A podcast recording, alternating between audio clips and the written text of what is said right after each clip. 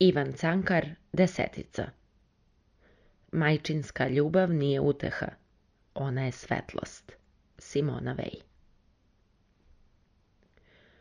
Ponekad mračno i teško padne čoveku na dušu tihi, nejasni strah, koji mu oduzme svu snagu, svu radost, sve pouzdanje. Gorčine svakodnevnog života odjednom postanu silne i nesnosne javi se savest.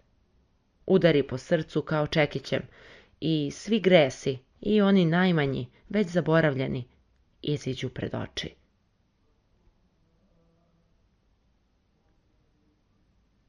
Zašto živeti dalje? Pa, sve je, sve, sve je iskupljeno. I bojažljiva ruka dršćući se pruža za rukom posestrimom, plašljivo oko se obazire i traži prijateljski pozdrav. Taj trenutak nije suđen samo čoveku koji je prešao dug put i već sluti smrti grob. U najlepše jutro dune hladnoća na dušu, tako da sve misli padnu na tle kao da su od kamena. Zakuca gvozdenim prstom u veselo veče u bučnom društvu – Ruka koja je držala čašu klonu. Oči se rašire. Smeh se sledi na usnama. Tako i dete ponekad iznenada usred mirne igre vrisne, uzdrhti i u nepojmljivom strahu privije se uz majku.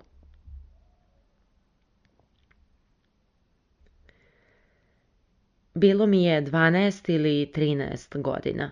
Išao sam u treći razred realke. Jednog jesenjeg jutra probudio sam se rano. Tek je svitalo, u sobi je bio sumrak. Soba je bila velika, pa ipak mi se toga jutra učinila uska i tesna, sva nabijena i pretrpana stvarima, kao pri selitbi. Uza zidove stajala su četiri kreveta, među njima police za knjige, veliki drveni kovčezi koji su ličili na sanduke, ormani za odelo, a na sredini ogroman sto pokriven knjigama i sveskama. Sve je to u sumraku dobilo čudne i izobličene nekako neprijateljske oblike i činilo utisak neopisive bede i žalosti. Na ostalim posteljama ležali su moji drugovi. Svi su još spavali čvrstim jutarnjim snom. Lica su im bila vrela, zajapurena, a usta poluotvorena. Bili su stariji od mene. Već druga godina kako stanujemo i spavamo u jednoj sobi, a ipak im nisam pravi drug. Gledali su me popreko. Ni sam ne znam zašto. Bili su to seljački sinovi, snažni, bučni i veseli. A u meni je bilo negde sasvim na dnu nešto gorko i turobno, što je možda i nehotice izbijalo i u rečima i u očima. U prozore je udarala kiša, sasvim tiho, kao mekim prstima. Lila je već nedelju dana u dugim, tankim lazevima. To je bila ona kiša koja čoveka rastužuje, čini ga tupim i zastremu sve vedre slike, a otkriva druge nepoznate u sivo ruho zavijene. Vazduh u sobi bio je težak i zagušljiv. Zaudaralo je na ostatke slabe večere, na kišu, na neokupana znojava tela, na otrovni dah bolesnika. Sve sam to video i osjetio u jednom jedinom trenutku. I svega me je prožeo gorak, nemilosrdan bol. Taj teški otrovni zadah u sobi učinio mi se odjednom kao slika i obeležje moga života. Čitavoga života od prvih žalosnih uspomena pa do kraja daleko u bezdanu budućnost koju sam jasno video pred sobom. Toliko me je bilo strah da sam se jedva usuđivao da dišam. Ležao sam potpuno mirno, očiju široko uprtih u sumrak. To je bilo kao u snu. Kad čoveku u jednom jedinom trenutku preleti godine i decenije, sve je to jedna jedina slika u jednom jedinom okviru, a lica hiljadu, razrogačene oči gledaju ukočeno kao iz večnosti. Svi se gorki časovi vraćaju i srce ih u sećanju osjeti devet puta teže nego što ih je osjetilo prvi put. Sećanje ide daleko i odgrće sve zavese. Sećao sam se događaja koji su se desili kad sam tek prohodao i kad su me još oblačili u dugačku, nespretnu suknjicu. Vratile su se i večeri kad bih zaspao uplakanih očiju. Vratila su se jutra kad sam se budio ne otvarajući oči da ne bih video dan. Da ga nikada više ne bih video. Moja potištenost prelila se u očajanje, a ne mi užas pred životom u saznanje da put nezadrživo vodi nisprdo, u bezdanu dubinu i da nema spasa. Nisam mogao ni da jeknem, ni da zajecam. Srce mi je nešto stezalo nemilosrdnom silom. Gazdarica je ušla u sobu. Dečaci, ustajte! Bila je velika i debela, podbula lica. Bojao sam je se kao nečeg neprijateljskog, nečeg zluradog. Ona je to verovatno i znala jer ni ona mene nije volela a toga jutra bila mi je još strašnija, ogromna kao planina, mračna i tuđa. Uzdrhtao sam kad me je ošinula malim sivim očima i brzo sam ustao. Bilo mi je hladno dok sam se oblačio i gladan sam bio. Nisam imao doručak dok su ga ona trojica imala. Iz kuhinje je prijatno mirisala kafa. Kod kuće sam rekao da ujutru dobijam kafu tamo negde u Šenpeterskoj ulici, ali to nije bilo istina. Postalo mi je teško i čudno kad sam na stolu ugledao velike pune šolje iz kojih se slatko i toplo pušilo. Pored svake te šolje bio je komad belog hleba sa porumenalom, dobro pečenom korom koja rska pod zubima. Šta bih sad i kuda bih? pomislio sam. Kod kuće nisam mogao da ostanem, a ne bih ni mario, radije bih u ponoć išao u mrtvačnicu. U prozor je tiho udarala kiša. Kad bih samo pola sata išao ulicama, bio bih mokar do kože i svi bi znali u čemu je stvar. A škole Škole me je bio strah.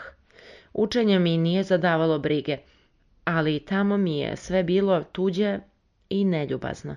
Stajao sam pred nastavnikom kao razbojnik pred sudijom. Sa knjigama pod pazuhom iziđoh na ulicu. Vlaga se odmah uvuče u cipele i stresuh se od zime. Kiša mi je sipala u lice, knjige sam sakrio pod kaputić. Ulice su bile sumorne, sive, sve je bilo sivo, kuće, ljudi, misli, sav svet. Trotor je bio klizav, po ulicama su se skupljale i razlivale velike bare, a kad bi prolazila kola, prskalo je na obe strane i svi su se ljudi sklanjali. Neba nije bilo, siva magla visila je do mokrih krovova. Ljudi koje sam sretao bili su svi nekako mrki, nepristupačni, kao da u glavi skrivaju mračne misli, ružne brige. Žurili su kraj mene i svi su gledali u zemlju. Nisam išao pravo prema školi jer je još uvek bilo suviše rano. Išao sam ulicama, a nisam gledao nikuda niti sam što tražio. Katkad su iz otvorene pekarnice zamirisale tople, sveže zemičke, one zlatnožute. Jedan put zarzgaš, pa je nestane. Kiša je tiho padala. Iz oluka po uglovima je curilo, bare su rasle. Prekrivale ulice od trotoara do trotoara. Čim bih koraknuo, šljapnulo bi i voda mi je u cipelama brizgala već između prstiju. Školska zgrada bila je vrlo visoka i vrlo gospodstvena. Bio sam pred njom kao prosjak pred dvorcem. Prozori su gledali mrko i strogo kao učitelji. Kad sam ušao u predvorje, oborio sam glavu i bilo mi je teško.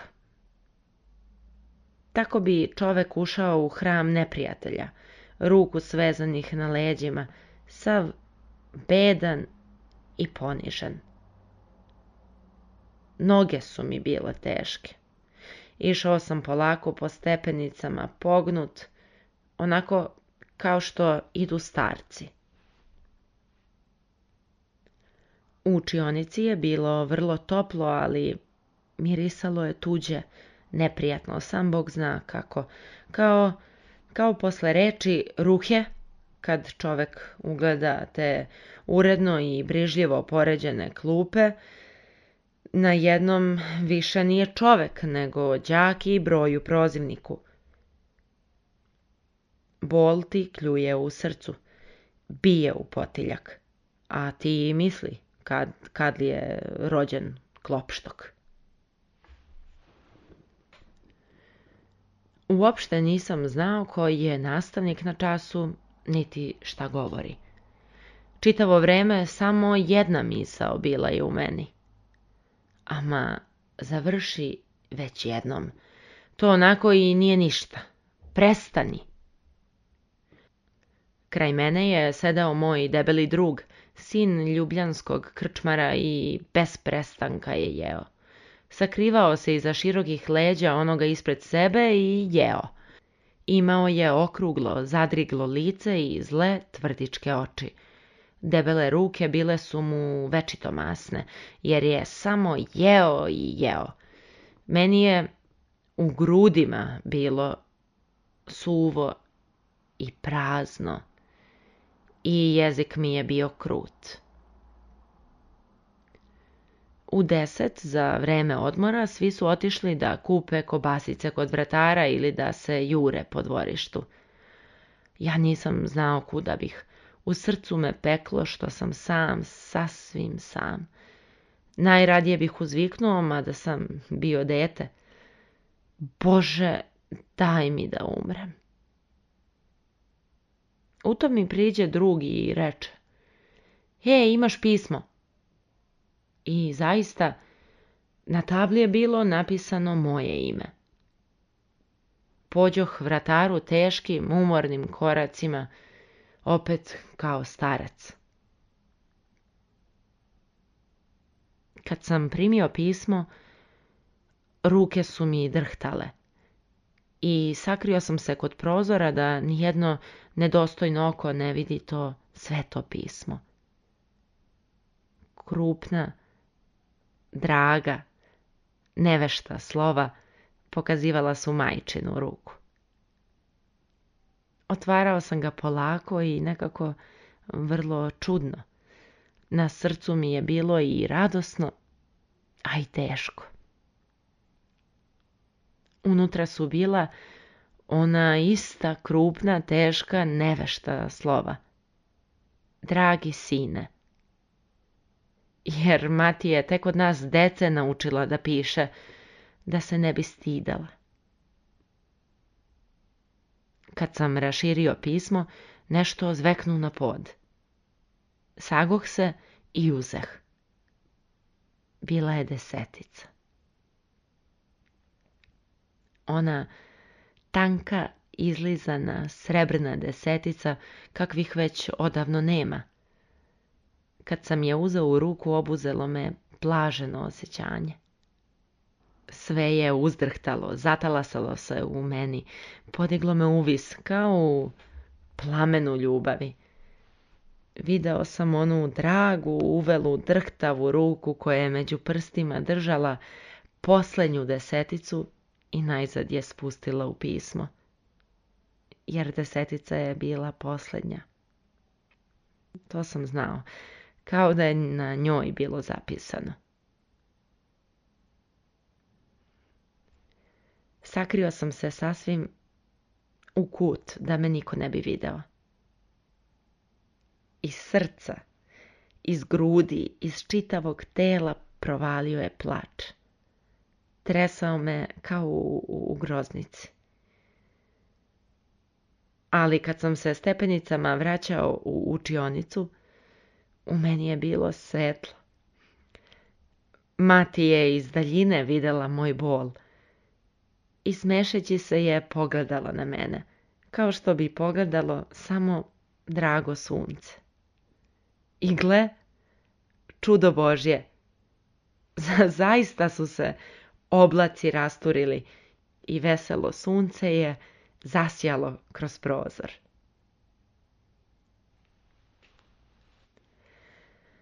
majke više nema. Ani onih starih desetica. I dani su sada prazni i pusti sve do noći.